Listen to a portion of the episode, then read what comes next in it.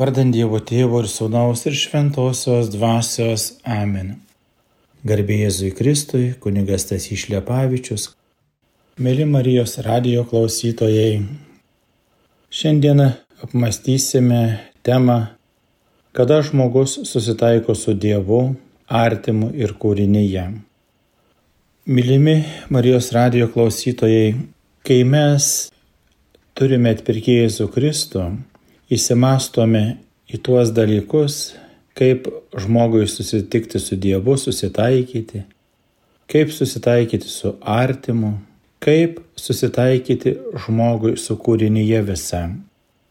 Mėly Marijos radijo klausytojai, manyčiau, kad viskas yra atnaujinama dabar tik tai Kristuje ir su Kristaus pagalba, nes nėra kito kelio į santarvę su žmogumi kitu, su kūrinyje su Dievu.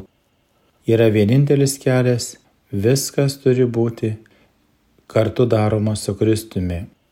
Ir pirmajame laiške korintiečiams 3.2.3 rašoma, taip visa yra jūsų, jūsgi Kristaus, o Kristus Dievo. Tad niekas ten nesididžiuoja žmonėmis, viskas yra jūsų, ar Paulius, ar Apolas, ar Kefas, ar pasaulis, ar gyvenimas, ar mirtis, ar dabartis, ar ateitis, viskas jūs, bet jūs patys Kristaus, o Kristus Dievo. Taigi, mylimi broliai seserys, kaip gali Kristus, mistinio kūno galva, išplėsti viešpatavimą visai gamtai ir visai kūrinėjai. Nuodėmė iškreipė kūrimo dieviškąjį planą. Nuostabi tvarka turėjo būti pirminėme Dievo plane, ne tik santykių tarp žmonių ir jų kurėjo, bet taip pat pačiame žmoguje, tarp jo jausmų ir proto. Ir nuostabus dalykas - tarp žmogaus ir kūrinijos. Dievas žmonijai prirengė žavingą pasaulį, papuošė augalais, apgyvendino gyvuliais, kurių tikslas buvo tarnauti to reikalams, kuriam Dievas davė žemę, kaip linksmybių rojų, kad jį įgyventų ir sergėtų pradžios knygą 2.15. Taigi, mėly Marijos radijo klausytojai, viešpats Dievas paėmė žmogų ir apgyvendino jį Edeno sode, kad jį dirbtų ir jo rūpindusi, bei apvaldytų. Tada darbas buvo lengvas ir džiaugsmingas, kaip visos kūrinijos teikiama garbė Dievui. Nuodėmė, nutraukdama priklausomumo ir meilės jungtį, kuri vienijo žmogų su Dievu, jo kuriejų ir tėvu, sugriovė visą dieviškąją tvarką. Pačiame žmoguje tas kilimas buvo jausmų prieš protą sukilimas. Tuo pačiu metu darnos ryšys tarp žmogaus ir gamtos taip pat buvo susilpnintas ir sugadintas. Pirmiausia, gamta, užuot buvusi žmogaus tarnaitė, jam pasidarė nuodėmės, sunkių kovų, darbo, kančios, pastangų priežastis. Arba priešingai. Ji tapo jo savanaudiškų, keidulingų ir netvarkingų malonumų šaltiniu. Tai vienas vaisių tos gamtos, kuris buvo pirmosios žmogaus nuodėmės priežastis. Žemėje kerojo erškiečiai ir dagiai. Žmogus turėjo ją nukariauti savo veido prakaitu. Užuot Dievą atidengo žmogui, kūrinė pasidarė lyg tamsi uždanga tarp jo ir kurėjo. Dėl jos žmogus pamiršo Dievą, nes jis pradėjo skirti pačiai gamtai gyvybės galės, kurias jis čia rado. Be to jis pradėjo vaizduotis, kad galėtų pasidaryti visos kūrinijos viešpačiu savo paties proto ir mokslo pažangą. Išdidus ir patenkintas savimi ėmė tikėti, kad Dievo viešpatavimas žemėje yra atgyvenęs. Galiausiai nuodėmė pastatė žmogų prieš žmogų, o Dievas sutvarkė visus daiktus, kad bendradarbiaujant vienybėje pasaulio turtai būtų išnaudojami ir gaminami žmogaus būčiai pagerinti, Kainui nužudžius savo brolį Abelį, prasidėjo tarp žmonių ilga brolų žudybės istorija. Ir mes dabar išgyvename tą laikmetį, kai mūsų broliai kovojo už savo laisvę. Žemėje ir ore, jūros potviniuose ir kalnų srautuose, žemėje slypinčiuose mineraluose, dangaus kliauto turtuose, Dievas sudėjo pakankamai reikalingų išteklių žmogaus maistui, drabužiams ir prieglaudai.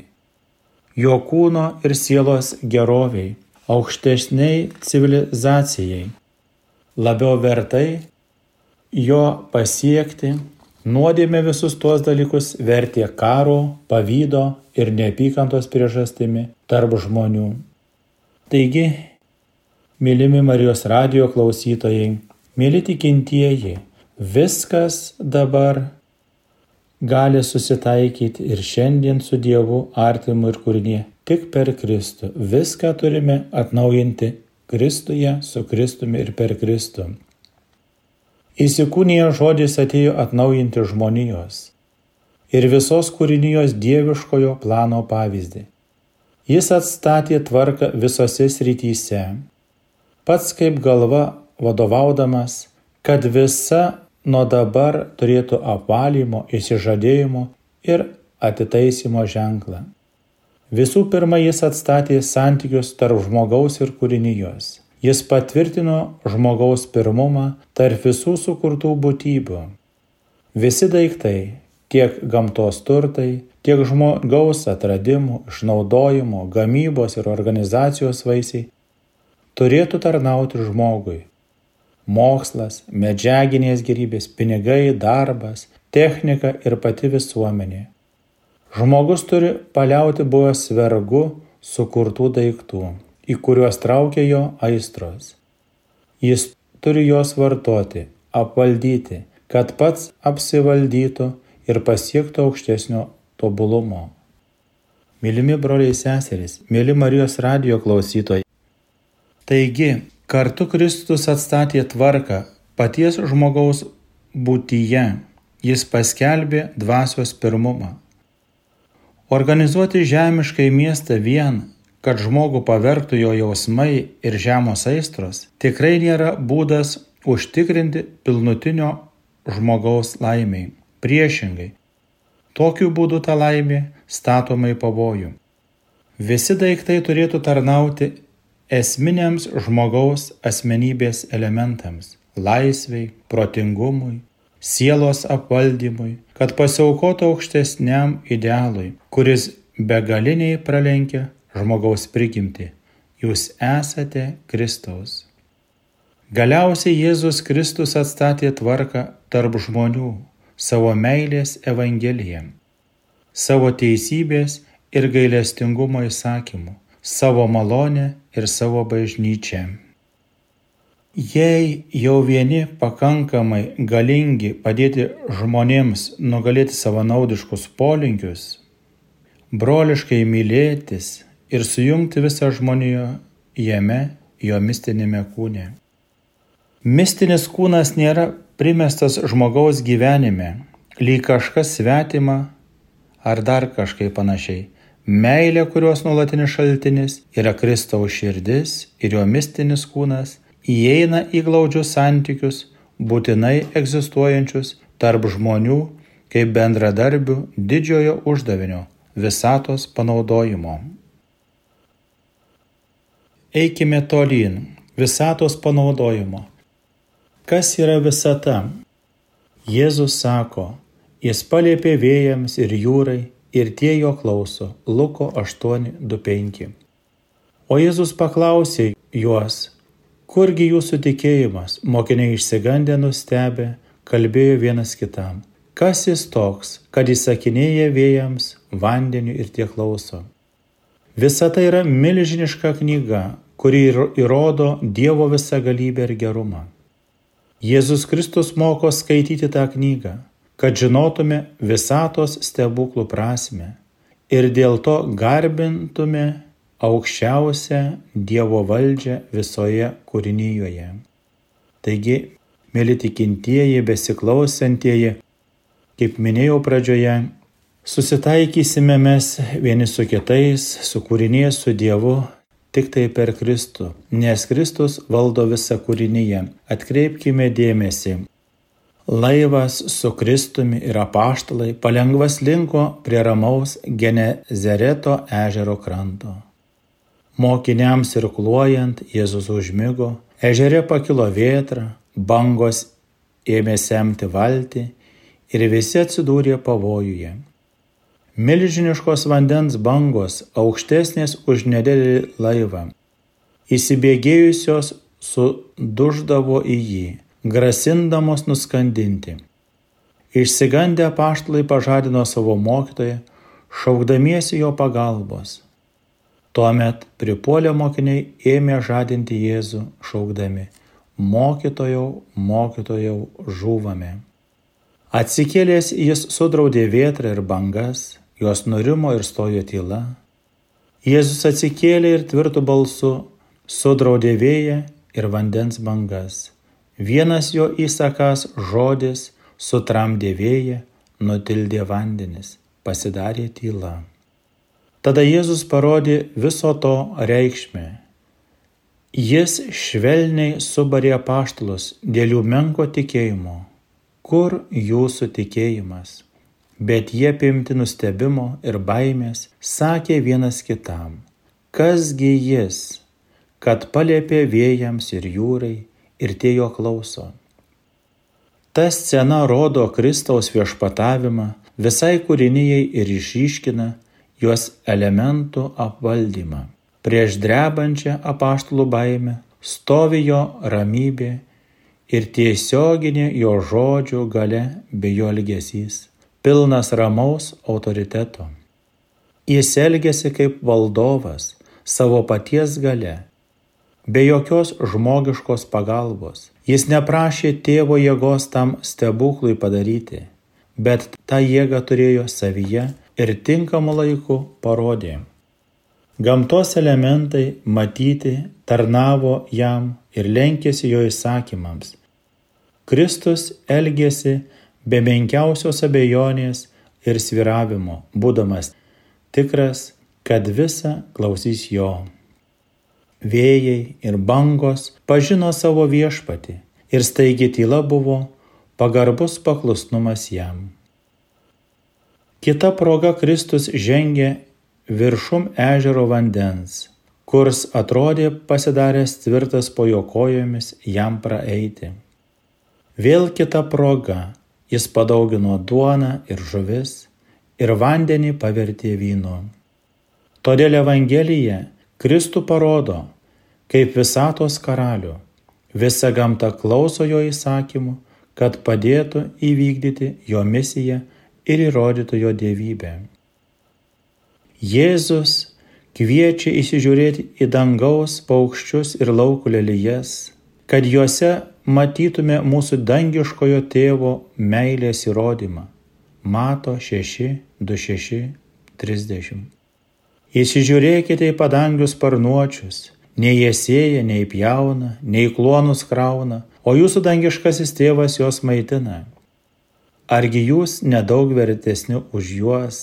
O kas iš jūsų gali savo rūpeščių bent per vieną sprindį prailginti savo gyvenimą? Ir kamgi taip rūpinaties drabužiu, pasižiūrėkite, kaip auga lauko lelyjos. Juos nesidarbuoja ir neverpia, bet sakau jums, nes Saliamonas pačioje savo didybėje nebuvo taip pasipuošęs kaip kiekviena iš jų. Jeigu Dievas taip aprengė laukų gėlę, kuri šiandien žydė, o rytoj metama į krosnį, tai argi jis dar labiau nepasirūpins jumis mažatikiai? Visa savo būtimi, savo gyvybę, savo grožiu, kiekvienas kūrinys apreiškia Dievo darbą. Tai jo meilės dovana, jo tobulybė šešėlis, jo ženklas ir kūrybos autoriteto ženklas. Vienu žodžiu, tai Dievo paveikslas. Dėl to Kristus mylėjo visą kūrinyje Visame jis rado jam kalbantį savo tėvo balsą. Taip pat iš gamtos įsiemė tos puikius palyginimus, kurie taip gerai padėjo žmonėms suprasti jos kelbiamą tiesą. aš esu šviesa, aš esu gyvenimas, aš esu vynmedis. Vanduo ir ugnis tapo jo misijos simboliais ženklais.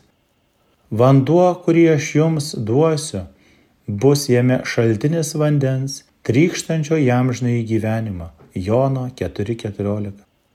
Aš atėjau ugnies siūsti žemę. Luko 12.49. Kalnai tampa simboliu, ką gali pajudinti tikėjimas. Mato 17.19. Prinokusiuose javuose jis išvelgia kitos pjūties vaizdą - dvasinę sielų pjūtį. Luko 10.2. Pjūtis tiesa didelė, o darbininkų maža. Taigi prašykite pjūties viešpatį siūsti darbininkui savo pjūtį. Kristaus akimis, aiškiu ir tyru žvilgsniu mes turime matyti pasaulį.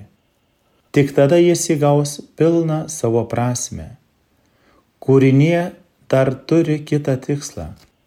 Tai žmonių iššaukimas jų kvietimas ją atbaigti ir padaryti, kad tarnautų aukštesniems žmogaus sielos tikslams. Gamtos daiktai patys savyje nėra baigti, bet laukia žmogaus darbo, kuris jiems duotų pilną reikšmę pasaulio visumoje. Lenkti Dievo ir Jėzaus Kristaus planui.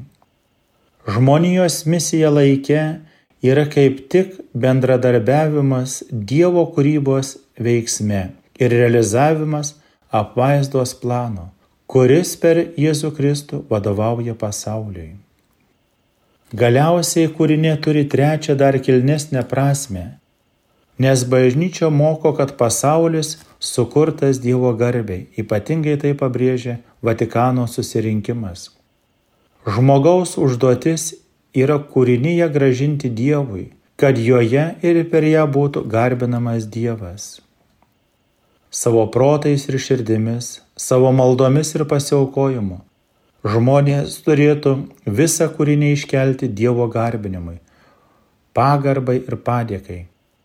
Kūrinyje negyvi ar gyvi daiktai turėtų žmonijoje įgauti balsą, kuriuo jie gėdotų garbę savo kuriejui ir skelbtų atsidavimą tam, kuris juos sukūrė. Bet kadangi ir kūrinėje buvo pažeista per gimtąją nuodėmę, buvo reikalingas išganytojas, kad kūrinėje atliktų savo misiją. Ir kadangi tik per vieną Jėzų Kristų žmogaus malda kyla prie Dievo, amžinojo tėvo sunaus, atsistojo visos kūrinijos viršūnėje, kad ją paverstų didingą liturgiją tarnyba ir kūrinijai duota aukščiausia prasme. Taigi Jėzus stengiasi ir padarė sujungti iš naujo ir sujungė dieviškuosius ir žemiškuosius dalykus. Dievas nori, kad mes, būdami Dievo vaikais, šlovintume viešpati ir kasdien įsigilintume į Jėzaus mokymą. Juk Jėzus kažkada sakė, kūrinyje su ilgesiu laukia, kada bus apreikšti Dievo vaikai. Mat kūrinė buvo pajungta tuštybei, ne savo noru, bet pavergėjo valia. Su viltimi, kad ir pati kūrinė bus išvaduota iš pragaišties vergovės ir įgys Dievo vaikų garbės laisvę. Juk mes žinome, kad visa kūrinė iki šiol tebe dūsauja ir tebesikankina. Ir ne tik jie, bet ir mes patys, kurie turime dvasios pradmenis. Ir mes dėjojame, laukdami įvaikinimo ir mūsų kūno atpirkimo. Tuo tarpu mes esame išgelbėti viltimi. Tačiau regima viltis nėra viltis. Jeigu kas mato, tai kam jam viltis?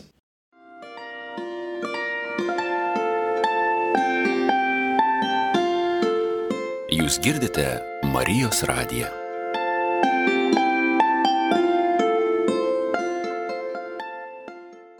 Mėly Marijos radijo klausytojai, iš tikrųjų žinome, kad Kristus yra žmogus, panašus į kitus žmonės.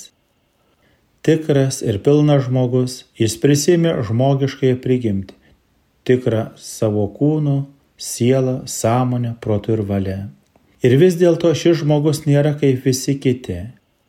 Kadangi kaip žmogus, Dievas, jis savyje apima visą žmoniją, visus žmonės, visą kūrinyje. Jis negali būti statoma šalia kitų. Jis pavyzdys savyje, transcendentinį planu, visos žmonių giminės vienumu. Iš tikrųjų, Dievas visą žmoniją matė savo sūnuje Jėzuje, vargingo tvartelio prakartėlėje. Jis juos matė sujungtų su juo, susivienijusius jame. Įsikūnyjime pagrindiniai sudarytas mistinio kūno, nes įsikūnyjimas yra dieviškumo ir žmogiškumo sujungimas. Šis susijungimas yra šaltinis mūsų žmogiškojo pašaukimo į Dievo įsūnystę, į susitaikymą su Dievu artimu ir kūrinyje. Maldos žmonės, maldos vyrai ir moteris, mielas jaunime, mėly visi žmonės, iš tikrųjų mes, kai apmastome tą mintį, kada žmogus susitaiko su Dievu ir artimu ir kūrinėje, mes suprantame, kad mes turime pirmiausia turėti gilų ryšį su viešpačiu Jėzumi. Taigi prašykime Dievo malonės, kad mes vis panašėtume į Kristų, nes Jisai sakė, aš daviau jums pavyzdį, kad kaip aš jums darau, taip ir jūs darytumėte. Jono 13.15. Ypatingai tas išryškėja didįjį ketvirtadienį, kai Jėzus nuplauna paštalams kojas, kai įsteigia šventųjų mišių auką ir eina į galutinį tikslą - į mirtį ant kryžiaus, į sutaikinimą didįjį žmogaus su dangiškoju tėvu šventojai dvasiai vadovaujant.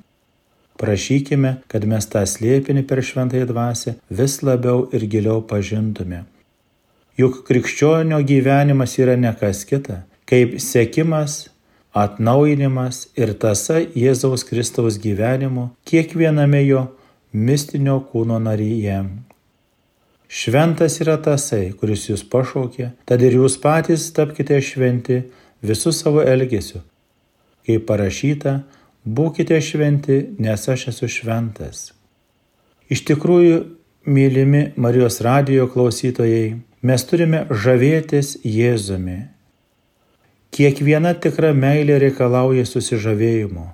Vyro meilėje žmonai, vaikų tėvams, mokinių mokytojui. Kaip mylimas asmo yra pats Jėzus Kristus, ta meilė pasireiškia entuziastišku žavėjimusi. Kristaus tobulumo ir didybės, jo šventumo ir grožio siela visai patraukiama jo pėdomis, sekti tuo keliu, kuriuo ėjo jis. Galvoti, spręsti kaip jis, jausti ir mylėti kartu su juo. Kiekviena tikra meilė, kaip sakėme, kyla iš pamėgimo. Tik Jėzaus meilė yra vienintelė. Žavėjimasis gali būti be ribų, nesuvaržytas baimės pančio, kaip kad žmogiškoje meilėje, kur varžo mylimojo ribotumas, Mūsų žavėjimasis Kristujumi auga, jo kas kart intimiau jį pažįstame. Kristaus siela yra begalinės didybės, juo labiau leidžiamės į tą begalybę, jo didesni stebuklai joje atsiveria mums, bet kartu išvelgiame, kad nors mes žengėme nuo pažinimo prie didesnio pažinimo stebuklų, tačiau pasilieka vis netidengta dar didesnė Kristaus sielos didybė ir grožis. Taigi, brangus broliai seserys, nepaliaukime keliauti kartu su Jėzumi, nebijokime pabūti Jėzaus artumoje. Laiškė žydams 2.17 sakoma, pasidarė visų kuo panašus į brolius, kad būtų gailestingas ir ištikimas vyriausiasis kunigas Dievui, kad permaldotų už tautos nuodėmės. Iš kitos pusės ir mūsų meilė turi būti su panašėjimo meilė. Nors mes vieni patys savyje esame vargšai ir visose dalykuose priklausa nuo Dievo. Broliai seserys, viešpat sako, apaštlai sako, būkite tokio nusistatymo kaip Jėzus Kristus. Kai svarstome temą, kada žmogus susitaiko su Dievu artimu ir kūrinyje, man labai patiko ir tebe žaviuosi vieną knygą Katalikų pasaulio leidiniai išleista 2018 metais. Žakas Fešas Šviesa virš ešafoto. Galima versti būtų ir šviesa ant pastolių.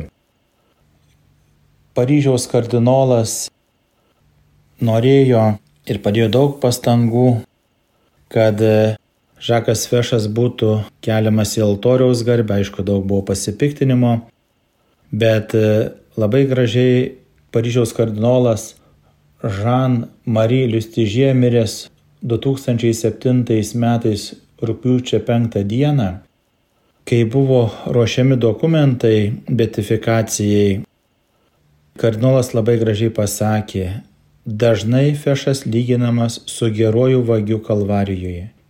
Dievo akise niekas nepasiklysta, net kai visuomenė jį pasmerkė. Atkreipkite dėmesį. Dievo akise niekas nepasiklysta, net kai visuomenė jį pasmerkė, sakė Liustyžyje. Jis nori, kad fešas būtų paskelbtas palaimintuoju, kad suteiktų didelę viltį tiems, kurie niekina save ir laiko save nepataisomai pasiklydusiais. Vėl noriu pakartoti, kad suteiktų didelę viltį tiems, kurie niekina save ir laiko save nepataisomais pasiklydėlės. Štai tokia būtų trumpa istorija iš Žako Fešo gyvenimo. Jeigu kurie skaitėte tą knygą, prisiminsite. Jis išleista knyga, kaip minėjau, 2018 metais. Jau tapo krikščioniškojo dvasingumo klasika, kaip rašoma 17 puslapyje. Labai sužavita knyga, daugelis skaitytojų Ir 11 puslapį galime taip irgi gražiai pacituoti. Kaipgi galima karštai netrokšti, kad jis būtų paskelbtas šventuoju. Jis gerasis 20-ojo amžiaus nusidėjėlis, kaip jį dažnai vadina pasaulis. Šventasis Jonas Paulius II yra sakęs, kad gerojo nusikaltėlio negalime paskelbti šventuoju, nes Dievas tą jau padarė. Tačiau žaką galime, jis gyvas įrodymas, kad visa yra gailestingumas. Jis žino esas ir jaučias, esas gailestingosios Dievo širdies vaikas, tyrosios šlovės išganytas. Viskas įmanoma, net ir paskutinė akimirka. Žakas yra tobuliausias vilties šventasis, vienas gražiausių kūdikėlio Jėzaus ir švenčiausiojo veido Teresės vaikų. Argi ne jo šviesus žodžiai, to, kuris atsiduoda krūtinėje, plaka, nebekūniška širdis, o tikras ugnies kamolys rašė dienoraštį Žakas Fešas rugsėjo 7 dieną. Žakai, ugningasis krūmė, liepsnoja gailestingumas. Mylimi broliai seserys Marijos radijo klausytojai, Žakas, kai papuolė į kalėjimą, o istorija būtų trumpai taip, kai jis buvo su draugais nusprendęs apiplėšti vieną banką, kad įsigytų pinigų, kad galėtų nusipirkti laivą, kad galėtų pramogauti. Mėly Marijos radio klausytojai, niekada iš tikrųjų nėra vėlų rasti Dievo malonę. Ir štai istorija apie Žaką Fešą. Tinkamas būdas pristatyti šio žmogaus istoriją yra šios dvi Luko Evangelijos eilutės - 15, 23, 24 - pasakojančios apie sūnaus palaidūno sugrįžimą. Paimkite nupenėtą veršį ir paskelskite. Tada šveskime su puota, nes šis mano sūnus buvo miręs ir atgyjo Jis buvo pasiklydęs ir buvo rastas. 1954 m. vasario 24 d. Žakas Fešas nužudė policininką, ir sužeidė dar tris netoliese esančius. Tai nebuvo klaida. Bandant pavokti iš valiutos priekeivių, viskas klostėsi ne taip gerai. Žakas buvo pripažintas kaltu dėl žmogžudystės ir nuteistas mirties bausmė 1957 m. spalio 1 d. jam buvo įvykdyta mirties bausmė. Žakas gimė turtingoje šeimoje, jo tėvas buvo sėkmingas bankininkas iš Belgijos, jis taip pat buvo menininkas ir ateistas ir mažai bendravo su savo berniuku. Žakas, kurį kataliką užaugino mama, buvo šiek tiek svajotojas, jis taip pat buvo tingus ir niekam nerodė jokių ambicijų. Jo tėvai įsiskyrė, kai jam buvo 17 metų. Žakas susinervino, o jei netinkamas elgesys tapo toks prastas, kad mokykla jų net pašalino. Tėvas davė jam darbą savo bankė, bet Žakas, kuris jau buvo apleidęs katalikų tikėjimą, pradėjo su draugais leisti netinkamai laiką ir priejo prie to, kad įvyko tai, kas įvyko Iš tikrųjų, mylimi Marijos radijo klausytojai, su Dievu viskas įmanoma. Ir kai Žakas pateko į kalėjimą, kai pateko į vienutę, kaip sakoma dar 18 vienutė, iš pradžių jis nežinojo nei ką daryti. Ir kapelioną atstumė, kuris atėjo, norėjo padėti. Ir daugelis tengiasi jam pagelbėti, kad jisai susigaudytų, kur papuolė, kokia čia situacija.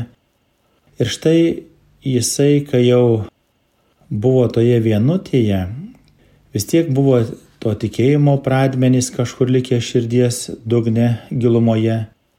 Ir nuo pat pradžių Fešas šiek tiek abejojo, ar jam teks susidurti su giliotina ar iš tikrųjų jis patirs mirties bausmę tokia bais. Tačiau nepaisant savo drąsos, jis bijojo.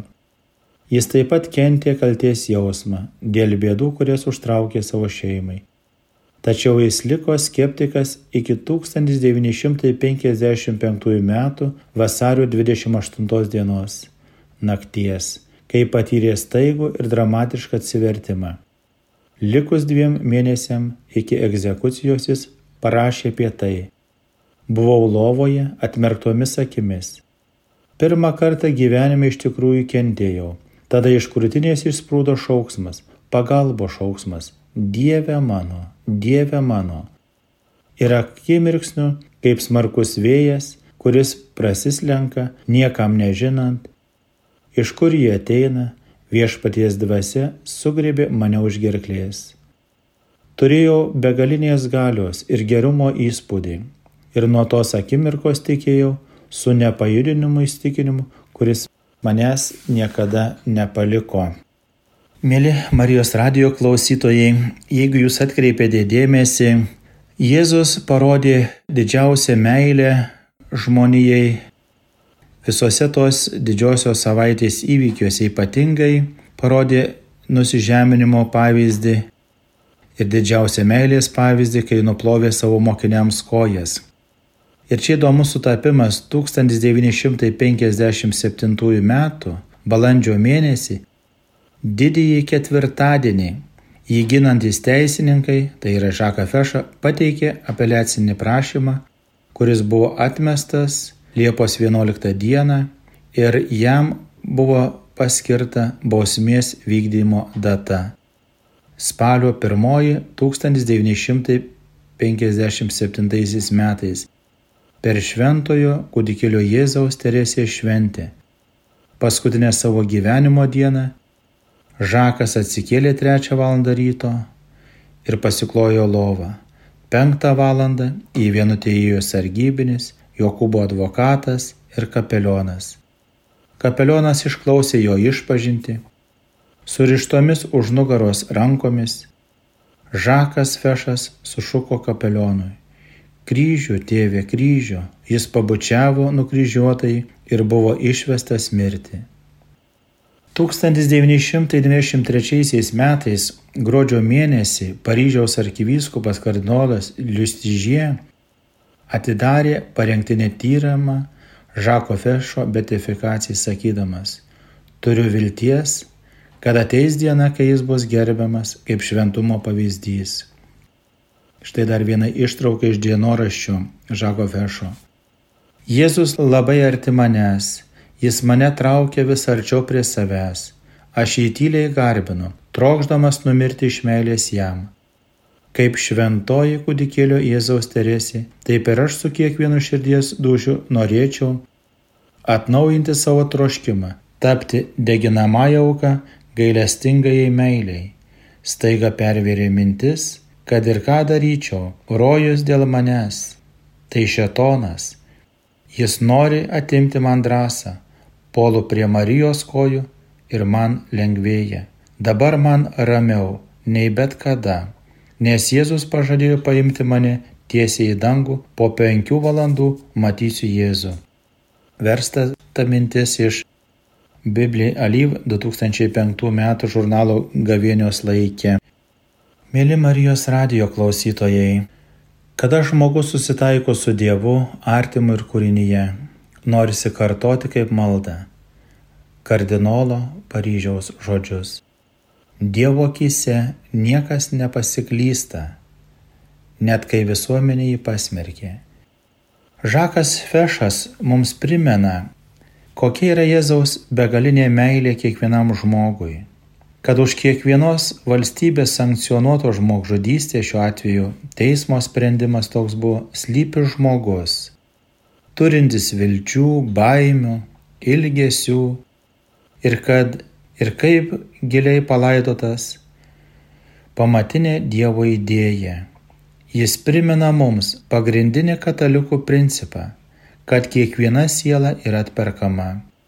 Jis primena, kad mūsų viešpats pats buvo mirties bausmės auka ir kad vienas iš paskutinių jo poelgio buvo atsigręžti į šalia jo esantį atgailaujantį vagį ir pasakyti, šią dieną tu būsi su manimi rojuje. Mėly broliai seserys, mėly Marijos radio klausytojai, jeigu turėtumėt galimybę, būtinai perskaitykite knygą Šviesa ant pastolių arba Šviesa virš ešafoto ir pamatysime mes, kaip Dievui yra brangus kiekvienas jo sukurtas žmogus pagal paveikslą ir panašumą. Mes gyvename įtampoje gyvename, kai karas Ukrainoje, Sirijoje ir Afganistane, dar ir kai kurios vietos neramios. Bet svarbu, broliai seserys, mums ir šiame laikotarpyje, kai yra daug neramumo, kai daug yra mūsų širdyse visokiausių painių minčių, svarbu bet kokiomis sąlygomis išlaikyti tikėjimą į viešpatį Jėzų. Nes jis vienintelis mūsų taikys Per jį mes ateisime prie Dievo, prie artimo, prie kūrinijos. Dėkojime Dievui už tai, ką turime, dėkojime už taiką savo krašte, už laisvę, dėkojime už tai, kad galime melstis, kada norime, kada norime galime ateiti šventųjų mišių auką, dėkojime viešpačiui už visas geradarybės, kurias kasdien mes gauname. Tegu Dievas palaimina mūsų gavėnios kelionę, tegu palaimina viešpats mūsų susitikimą didžiosios savaitės išgyvenimus, ypatingai ketvirtadienio, penktadienio, šeštadienio didžiojo. Ir prašykime, kad naitume į Velykų džiaugsmą su Marijos globa ir užtarimu. Melskime, kad Dievo motina Marija mus drąsintų nebijoti jos sūnaus viešpaties Jėzaus kurio gailestingumas neišsemiamas, kurio meilė neišsemiama, nes su Dievu viskas galima. Garbė Jėzui Kristui, kunigas Tasys Šlepavičius, Klaipėda, Kristaus karaliaus parapija, vikaras.